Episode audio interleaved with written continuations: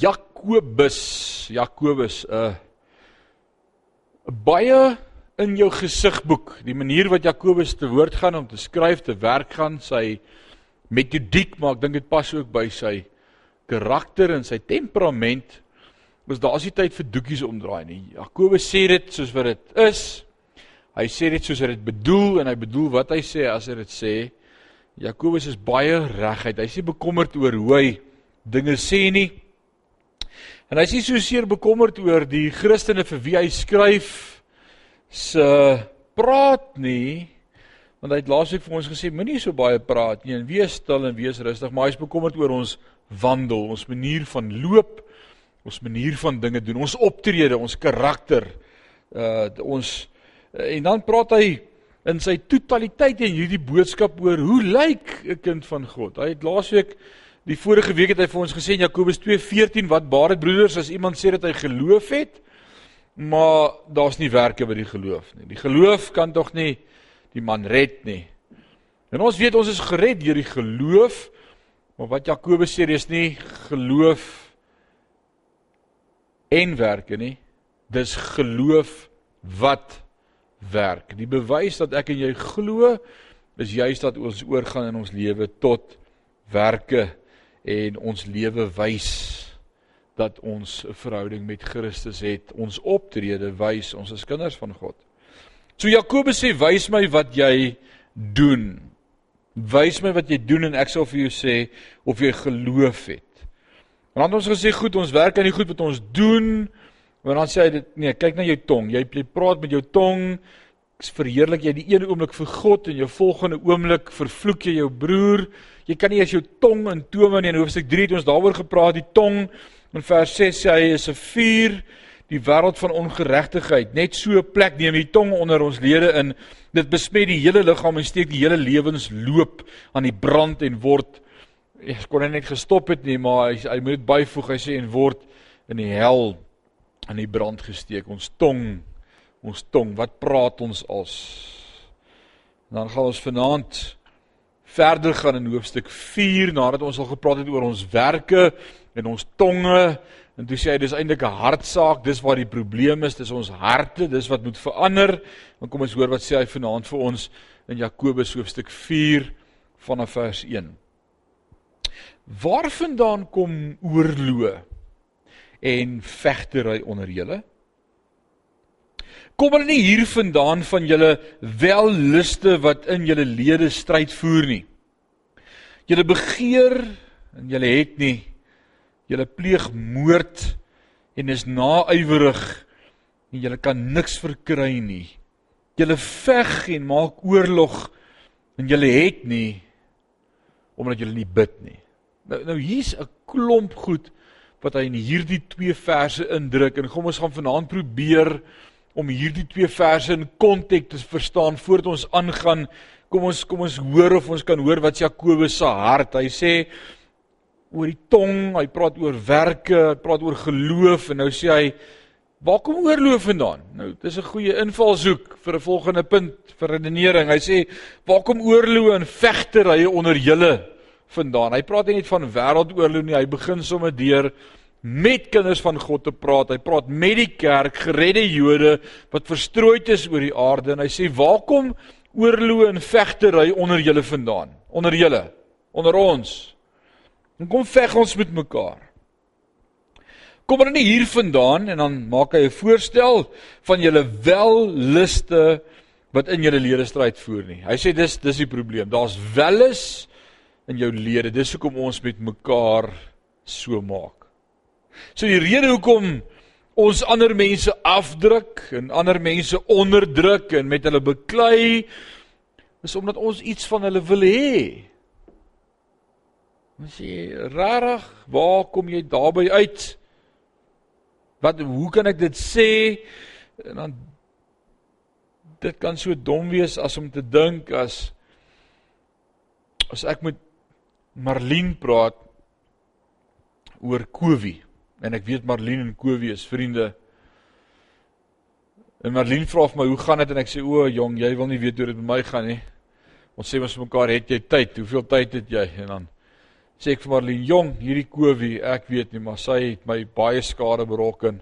En dan maak ek Kowie sleg by Marlene. En dalk is dit juis omdat ek jaloers is op Kowie en Marlene se se se vriendskap en ek wil Marlene in 'n in 'n in 'n Kowie in 'n swakker lig stel by Marlene sodat Marlene dalk meer van my hou as van Kowie. Is dit nie wat ons eintlik met mekaar doen nie? Is dit nie hoekom ons oor ander mense praat nie? Is dit nie eintlik jaloesie? Uh, hy skryf Jakobus sê dis wel luste in julle lede. Met ander woorde, alles it all comes down to the heart, the root, die die hart. Nou ons moet ons hart verander. So so so ek begeer. En oor ek begeer praat ek. En as ek praat, Jakobus 3, die tong wat ek nie in toom kan hou nie, dan ontstaan daar oorloë en bekleierery. En wat is die gevolg? Verhoudings lei daaronder. Die die gevolg van van my en jou tong en ons hart en ons verkeerde motiewe en intensies en dis waarmee Jakobus eintlik deel en, en ons saai so maklik verwoesting onder mekaar ook as kerk en, en onder kinders van die Here en en hy en hy sê dit moenie so wees nie. Dit moenie so wees nie. Hy sê die eintlike probleem is jou hart. Jou hart is nie reg nie. En dan kan ek vanaand vir jou vra as as ek iemand anders se kers moet uitblaas sodat my liggie gesien kan word. Hoe dof is my liggie dan nie? Dis baie it's a valid question. As ek nodig het om die heeltyd mense om my af te kraak en af te maak en en sleg te maak en te praat van hulle in 'n swak lig, waar's die eintlike probleem dan? Is dit by almal om my? Is dit by die mense? Is dit met regtig dat soveel mense so sleg is of is dit my persoonlikheid of my karakter wat so ingestel is dat ek mense se liggies wil uitblaas sodat hulle tog net my liggies sal raak sien? En dis waaroor Jakobus praat. So as ons vanaand praat, dan praat ons oor die saak van die hart en en wat is ons motiewe en intensies? En dan moet ons vir mekaar vanaand sê dis dalk ons geneigtheid wat ons doen. En dis wat Jakobus hier sê. So in die proses om ander af te druk, kap die byl ook elke keer na my toe. En weet jy wat gebeur? Mense distansieer hulle van my. Hulle hulle staan weg van my af en sê, "O, hy het nooit 'n goeie woord vir niemand te sê nie. Hy praat sleg van almal." Bly net weg van hom af. In die proses isoleer ek myself deur te praat van ander mense. Jakobus sê die rede is omdat jy iets wil hê, jy begeer en jy het nie. Dit wil sê dat dat so die antwoord is nie begeer nie. Maar wat sê hy? Hy sê julle wat moet julle doen? Wat is die antwoord daarop? Vers 3 sê julle bid en julle ontvang nie. So, so as ons begeer en wil hê, wat is die antwoord vir begeer en wil hê? Praat met God daaroor. Praat met God daaroor. Dis die oplossing. Dis om met God te praat. Dit wil sê om om om nie met mense daaroor te praat nie want dit bring skade, maar praat eerder met God. Bid. So dis eintlik die tema waarby Jakobus uitkom in hoofstuk 4 as hy praat vanaand as hy sê daar's ander motiewe in jou hart en die rede vir dit is jy praat en min met God oor jou motiewe. En wie weet vanaand gebed gaan nie daaroor dat God my gee wat ek vra nie, maar gebed gaan daaroor dat God juis in daardie proses van tyd spandeer met hom my hart verander. Want kom ons wees eerlik, hoe bid ons vir ander mense? Hoe bid jy vir iemand as hy jou te nagekom het en in skade berokken het?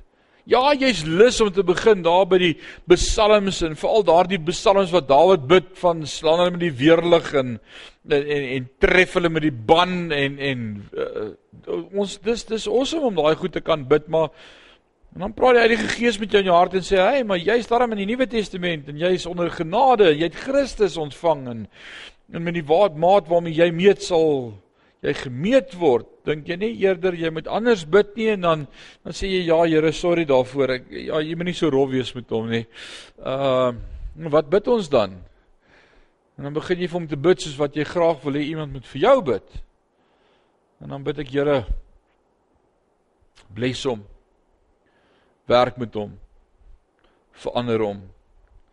Praat met hom. Trek hom nader aan U. Ag Here bless hom uit sy skoene uit.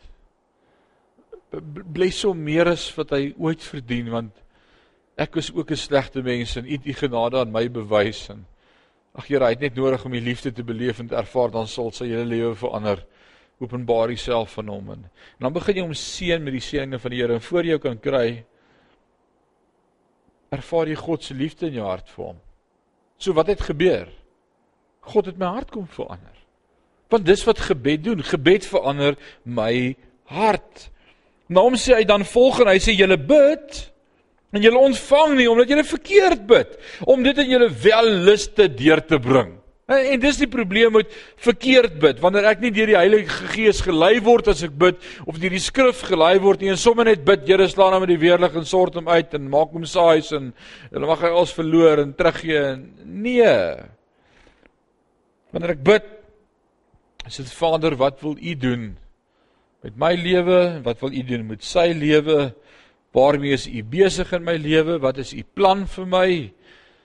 Welis gaan oor wat ek wil hê. So hy sê baie van ons bid verkeerd want ons bid volgens wat ons wil hê en ek wil sê vanaand gebed is nie 'n shoppinglys met gee my A B en C nie. Gebed is Here verander my hart en dis waaroor Jakobus praat in Jakobus 4 en dis ons groot probleem. Is nie die tong nie, dis nie ons geloof en ons werke nie, die root, die wortel is ons harte. En Jakobus sê dis dis dit en, en as jy sê jy bid, want ek sê vir julle bid en dan sê julle maar ons bid, dan wil ek vir julle sê bid verkeerd. Want anders sou jou hart al verander het. Vers 3 is vir my dis dis awesome. Hy hy sê julle bid nie en ontvang nie omdat julle verkeerd bid.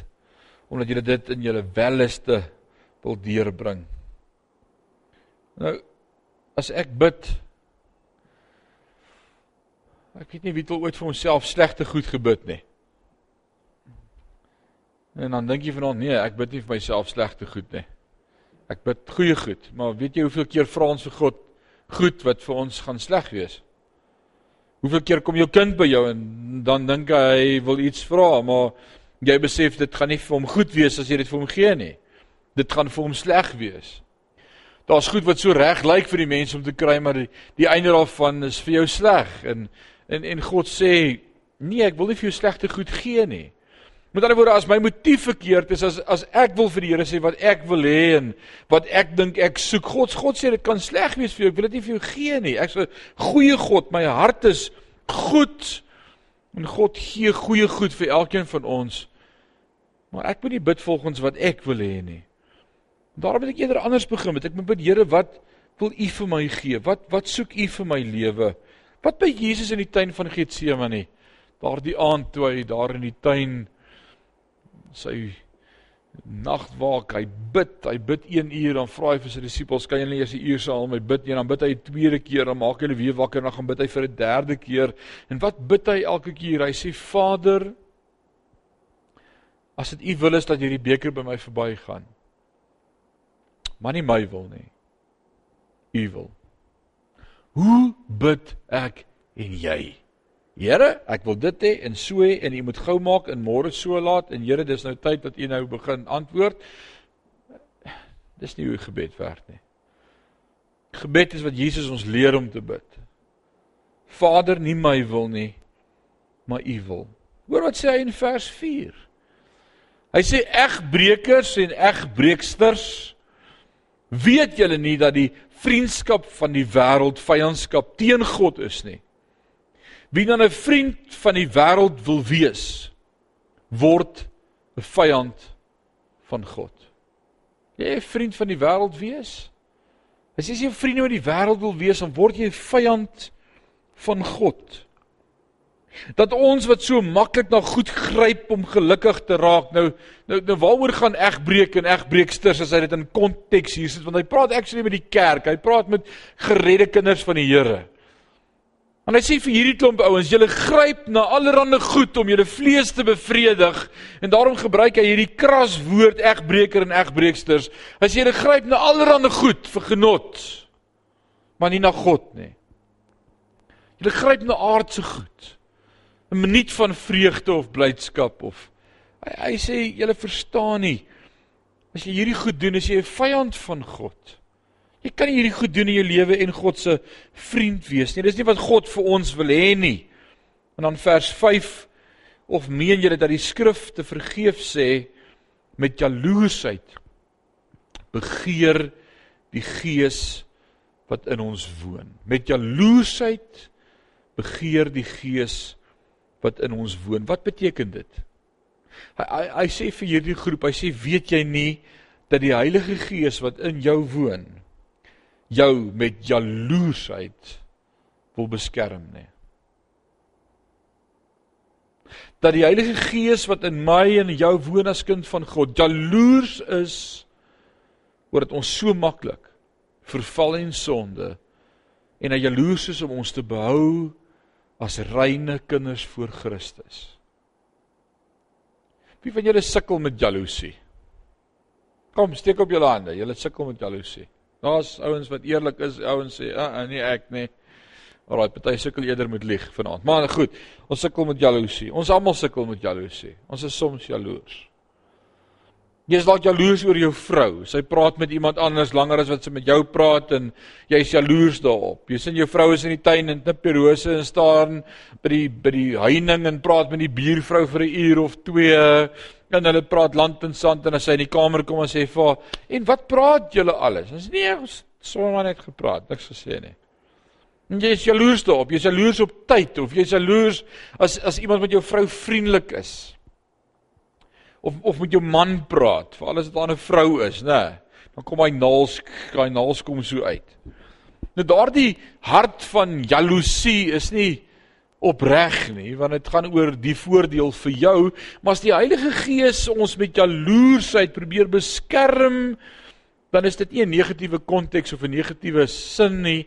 Dit beteken net soos wat God 'n jaloese God is, en jy wil beskerm en die beste vir jou wil hê soos die Heilige Gees jaloers dat jy so maklik jou posisie in Christus vrygee, weggee, verruil. Verruil. Dit laat my dink aan daardie pot lensie sop, nê, Jakob en Esau om sy posisie te verruil. Dit gebeur so maklik in ons lewe elke dag. As jy die Heilige Gees met jaloesheid begeer die gees wat in ons woon. So kom ons raak prakties. Jou uh, jou dogter is so opgewonde oor haar nuwe liefde. Kom ons gebruik dit as 'n voorbeeld vanaand. Wie van julle het almal dogters wat een van julle moet trou of gaan trou nog? Right, great. Daai twee dogters, awesome. Uh sy sê vir jou dad, ek is so opgewonde oor my nuwe liefde in my lewe. Jy sien butterflies, jy sien haar oogies raak so opgewonde as jy met haar praat, hoor sy nie 'n woord wat jy sê nie. Sy's net op een stasie. Sy's dalk net op haar foon, heeltyd op WhatsApp. Dis die droom van haar lewe wat sy ontmoet. En dan sê jy, hoorie, maar wie's die kerel? Dan sê sy, "Pa, volgende Woensdag aand 6uur gaan hy vir ons kom kuier. Dan gaan ek hom voorstel aan Paale." So jy werk jou op volgende aand, Dinsdag aand 6uur gaan jy gereed wees om hierdie man te ontmoet. Jy vra met ons om gaan oplaai of bring sy maal hom. Sy sê, "Pa, moenie worry nie, hy het sy eie vervoer." Klaar is dit 'n probleem. Wat 'n jong man het al sy eie vervoer. So, 6 uur kom en jy hoor so gepr pr pr pr pr pr pr daar by die hek en as jy uitkyk dan sien jy daar sit 'n man met 'n baard met 'n helm op sy kop, een van daai mooi ronde swart helm so kortetjie op 'n Harley Davidson. En hy's getatoe van hier af tot onder die hemp en al twee arms. Fris man en jy dink dit kan nie wees nie, dis seker die verkeerde adres. En sy storm uit die hek toe en sy maak die hek oop en hy ry in en jy voel hoe die bloed in jou are begin kook. Niks teen ouens wat so lyk nie. Maar dis nie jou droom vir jou dogter gewees nie. En as jy so uitstap en hom ontmoet, dan kom jy agter hy hang so 'n zol hier in die hoek van sy mond. So gerolde zol en dalk so half jack whisky wat hy uitsteek uit sy baadjie se leer sak uit. Sal sal dit jou goedkeuring wegdra. En ons diskrimineer nie teen ouens wat so lyk nie. Maar iewerster in die proses het jy ander drome en ideale vir jou dogter ontwikkel en jy gaan jaloers wees oor haar, nie oor haar liefde nie, maar jaloers omdat jy haar liefhet en vir haar die beste wil hê in die lewe. En so voel die Heilige Gees oor my en oor jou en sê maar daar's beter in die lewe as om te gryp na al hierdie oomblikke van genot. Dis omgee, dis opreg. Dis om die beste vir jou te wil hê. So al probeer ek vriende word van die wêreld, God sê dis vyandskap met my. Hoor wat sê vers 6 dan. Hy sê maar hy gee groter genade. Hy sê dis wat julle doen. Die Heilige Gees is jaloers.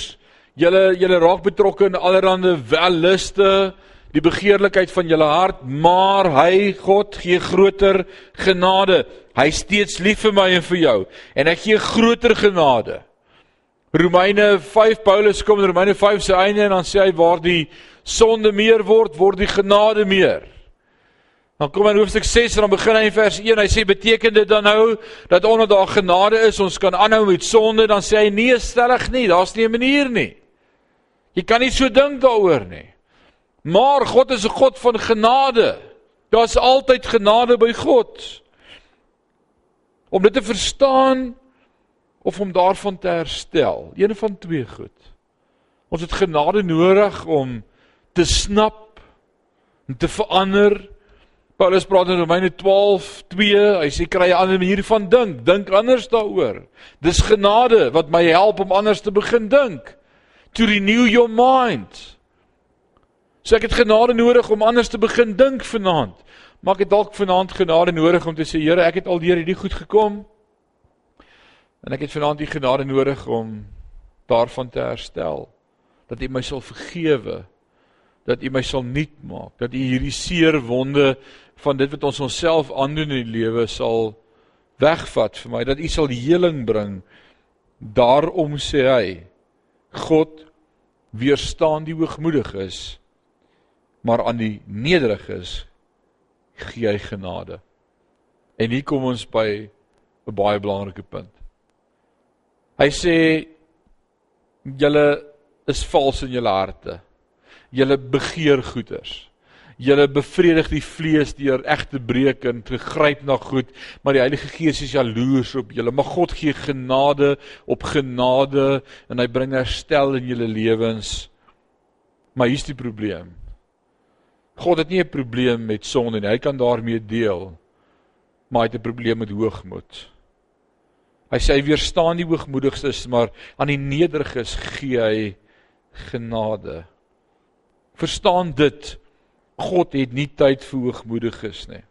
Kom ons dink daaroor. God gee groter genade om sonde te weerstaan of daarvan te herstel, maar weerstaan die hoogmoediges, maar gee genade aan die nederiges.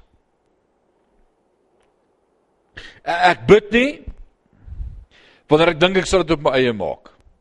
Ek sê okay, ek het nie nodig om met God te praat daaroor nie. Ek het nie nodig om sy wil te soek nie. Ek het nie nodig om te vra help my nie. Ek sal dit okay, ek sal dit op my eie uitsort. So ek hoef nie daaroor te bid nie. God sê dis so gemoedig. Jy dink jy kan dit op jou eie doen. Jy praat nie met my nie. Dis so gemoedig. Analiseer net jou gebedslewe en vertel my hoeveel tyd jy spandeer om met God te praat. En dan sê hy vir my jy's nie hoogmoedig nie. Ons persepsie van hoogmoed lê soveel anderster as wat God daaroor dink. God sê praat met my. Verander jou hart. Bid, gesels met my. Laat toe die Heilige Gees jou hart en jou lewe verander. Want sy afhanklikheid is nie van God nie maar van homself. En dis hoogmoed. Wanneer jy beself vertrou. Die nederige persoon sal met God daaroor praat eerder. C.S. Lewis in in sy boekie wat hy geskryf het Mere Christianity, uh the greatest sin of all, is daar 'n hele hoofstuk op pride, trots. En dan sluit hy hierdie hoofstuk van Mere Christianity, sluit hy hierdie hoofstuk af met die laaste sinnetjie en hy sê if you read this chapter and think it doesn't apply to you, then surely it does apply to you. Die ou wat hoogmoedig is sê nee wat ek het nie 'n probleem met hoogmoed nie. Ek is fyn. Dis die hoogmoedige ou. Jy wat sê, "Sjoe, hy slaan my oor die vingers. Ek het nodig om meer nederig te wees." Dis die nederige ou. Ek hoop nie julle het dit nou gedoen nie. Nee, nee, julle het nie. Vers 7. Onderwerp julle dan aan God. Weerstaan die duiwel en hy sal van julle wegvlug. Ek wil hê jy moet die orde sien van hierdie vers. Die die die manier en hoe hy dit skryf. Wat eers gebeur? Hy sê onderwerp julle dan aan God. Dan weerstaan jy die duiwel en dan sal hy van jou wegvlug. Baie van ons as kinders van die Here bid hierdie, maar op daai oomblik is jy glad nie onderwerp aan God nie. Jy's hoogmoedig, jy praat nie met God nie, jy lees nie sy woord nie, jy raadpleeg hom nie vir inspraak nie, jy praat nie met die Heilige Gees daaroor nie. En hier's die probleem. As daar 'n storm in jou hart is, praat met God. Moenie net begin praat wat jy wil nie. Onderwerp jou aan God, onder dan weerstaan jy die duiwel en dan sal hy van jou wegvlug. Vir wie van julle was dit moeilik vanaand om hier te kom? Dit was moeilik, dit was 'n challenge. Die hond het uitgekom en gehardloop of die kat het die voël geëet of jou vrou het vir jou kwaad geraak of uh, ja, dit was veel moeilik om hier te kom. Hier's ouens wat vanaand sê dit was 'n challenge om by die kerk te kom. Dit was moeilik. Nou kom ek leer gou vanaand vir jou iets rondom om jou te onderwerp aan God. En ek en ek hoop dit gaan jou help om dit raak te sien. Want dis hoekom baie kinders van die Here sukkel met baie issues in hulle lewe wat vir altyd die issue gaan bly, want hulle het nog nooit onderwerp aan God nie. In my huis weet ons, Sondag is dit kerk. Kry so laat sonoggende, so laat sonnaande klaar. Daar's nie 'n opsie nie. Daar's nie 'n uitweg nie, daar's nie iets anders om eers oor te dink of te gesels nie. En nou gebeur dit dat daar iets moeiliks gebeur. En die eerste keer wat jy gaan toelaat dat daai omstandighede jou weghou van die kerk af, word 'n vesting opgerig. En die volgende week gaan daar weer iets gebeur en dit gaan makliker wees om by die huis te bly. En die week daarna gaan daar kuiermense aankom en jy gaan nie vir hulle kan sê luister, sorry vir julle, maar dis bad timing. Ons is op pad kerk toe, kom saam met ons, dan kan ons kuier. Nee, jy gaan sê ag nee, wat kom maar in ons hoef nie kerk toe te gaan nie. En so word dit 'n vesting en jy dit nie onderwerp aan God nie. En daarom gaan die duiwel dit elke keer gebruik om opgerig te word teen God. As jy dit nie hanteer nie, gaan dit jou aanhou oorwin. Wie van julle sukkel met migraine? Dis Sondag, dis Sondagmiddag, dis 4 uur, 2 ure voor die diens begin en die migraine begin. En jy sê, "Wow, as ek so migraine het, is al wat werk, migraine kit en ek moet in die bed gaan lê. Ek gaan by die huis bly vanaand. Ek is seker die Here sal verstaan." En dis 'n vesting. Die duiwel probeer jou en hy sien dit werk. Raai wat gebeur volgende Sondagmiddag 4 uur? Jy kry migraine. Want die duiwel sien dit werk en dit hou jou by die huis. So of jy onderwerp dit aan God en sê, "Wel, dan sit ek met 'n migraine in die kerk, dis ten minste 'n goeie plek om 'n migraine te hê, want daar kan hulle vir my bid." Want Jakobus 5 sê hy sê, "Roep die ouderlinge dat hulle vir jou die hande oplê en salf met olie." Maar dis 'n vesting wat opgerig word en ek onderwerp dit nie aan God nie. Of jou kinders. Daar's iewers omstandighede, moenie toelaat nie. En ek dink baie van ons gaan onnodig deur hel in ons lewe omdat ons dit nog nie onderwerp het aan God nie moenie ingee nie. As ek ingee, sal ek aanhou ingee en die duiwel sien dit werk. Hoe kan ek daai siklus stop in my lewe? Onderwerp my aan God. En kyk nou na hierdie wonderlike belofte in vers 8 wat hy vir ons sê. Hy sê nader tot God Nader tot God, praat met God. Die hele die hele perakoop gaan daaroor. Praat met God. Bid. Julle bid nie, julle het nie want julle bid nie. Praat met God. God verander harte. Praat met God. Nader tot God. Vers 8 sê nader tot God en hy sal tot julle nader. Nou sê gou vir my wanneer is dit? Partykeer, soms, meeste van die tyd of altyd? Dis altyd. God sal altyd tot my en jou nader. Moenie dat enige iemand jou anders probeer leer as dit nie. Nader tot God en hy sal tot julle nader. Dis 'n belofte, dit staan vas in God se woord. En dan wat sê hy verder? Hy sê reinig julle hande, julle sondaars. En suiwer julle harte, julle dubbelhartiges. Weeklaag, treur en ween, laat julle gelag en treurigheid verander word in julle blydskap en bedruktheid, verneder julle voor die Here en hy sal julle verhoog. So wat sê hierdie vers? Wat sê hierdie gedeelte in vers 9 en 10? Nader tot God en God sal tot jou nader. En as jy ernstig is oor God, sal hy hom laat vind. Raak net eers nederig. Verander wat jy doen. As jou hande vuil was, gaan was jou hande. As jou hart 'n probleem het, sort jou hart uit. As dit jou gedagtes is, sort jou gedagtes uit. As dit jou optrede is, sort jou optrede uit. As dit jou tong is, sort jou tong uit. Verander wat jy doen as jy ernstig is met God en jy sal hom vind. Want hy gaan hom laat vind deur jou. Ja, hierdie is nie 'n resep om God se hand in beweging te bring as jy nou gaan sak en as en dit doen en daai doen en 3 dae vas en net water dan gaan die Here werk nie. Hierdie is nie so 'n resep nie. Wat Jakobus hier sê is as jy ernstig is oor God, gaan jy dinge verander. En jy gaan God ontdek. En dan sê hy broeders vers 11 moenie kwaad van mekaar spreek nie. Moenie moenie kwaad spreek van mekaar nie. Die wat kwaad spreek van sy broer en sy broer oordeel, spreek kwaad van die wet en oordeel die wet. En as jy die wet oordeel, is jy nie dalk 'n dader van die wet nie, maar 'n regter. En en hier's die probleem. Ons praat kwaad van mekaar. Van watter wet praat hy hier? Hy praat van die wet van die wet van liefde. Die wet van liefde. Jesus sê aan hierdie wet of aan hierdie twee hang die hele wet en die profete, né? Die liefde, jy moet die Here jou God lief hê met jou hart, siel, krag, verstand en jou naaste soos jouself. Jy spreek teen hierdie wet van die wet van liefde sê ek praat nie kwaad van my broer nie, want ek het hom so lief soos wat ek myself het. Dan kom vers 12. Hy sê Een is die wetgewer. Hy hy wat mag het om te red en te verderf.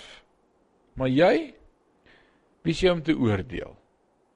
O, nie is ons probleem. Hier kom die hart nou. O, ons het 'n opinie oor almal. Ons judge almal. Ons oordeel. O, daai ou, het jy geweet dit en dit en daai een het 'n probleem hiermee en o, jy ken nie daai ou nie.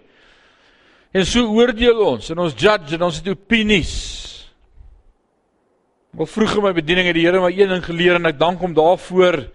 Toe ek met God praat oor mense en hulle intensies en bedoelings, toe sê hy, "You love them, I will judge them." Jy moet dit lief hê. God ken die hart en is hy wat sal oordeel, is nie my en jou werk om te oordeel nie. Ek is nie hulle regter nie. Ek is hulle broer. Kom ons kyk wat sê vers 13 en 14. Kom nou. Julle wat sê, nou nou praat hy oor ons tonge alweer. Maar hy sê as julle regtig julle harte verander en God erken in alles in julle lewe en en hy regtig eerste in jou lewe is, dan gaan daar nog iets wees wat verander jou optrede rondom wat rondom wat jy praat en hoor wat sê hy sê kom nou julle wat sê vandag of môre sal ons na die stad gaan en ons sal daar 1 jaar deurbring en handel drywe en wins maak. Julle wat nie eers weet wat môre gaan bring nie. Want hoe danig is julle lewe? Dit is tog maar 'n damp wat vir kort tydjie verskyn en daarna verdwyn. Hy sê julle dink julle is so slim. Julle beplan vooruit in julle kalenders en lysies en julle maak julle goed vas in en jy sê vir my die 2de Desember 6:00 die oggend ry ek op vakansie. Kom wat wil. Dis dan hy sê julle weet nie, julle het nie 'n klou nie. Jy weet nie eens of jy hier gaan wees môre nie. Wat nog so ver. Hy sê moenie dit doen nie.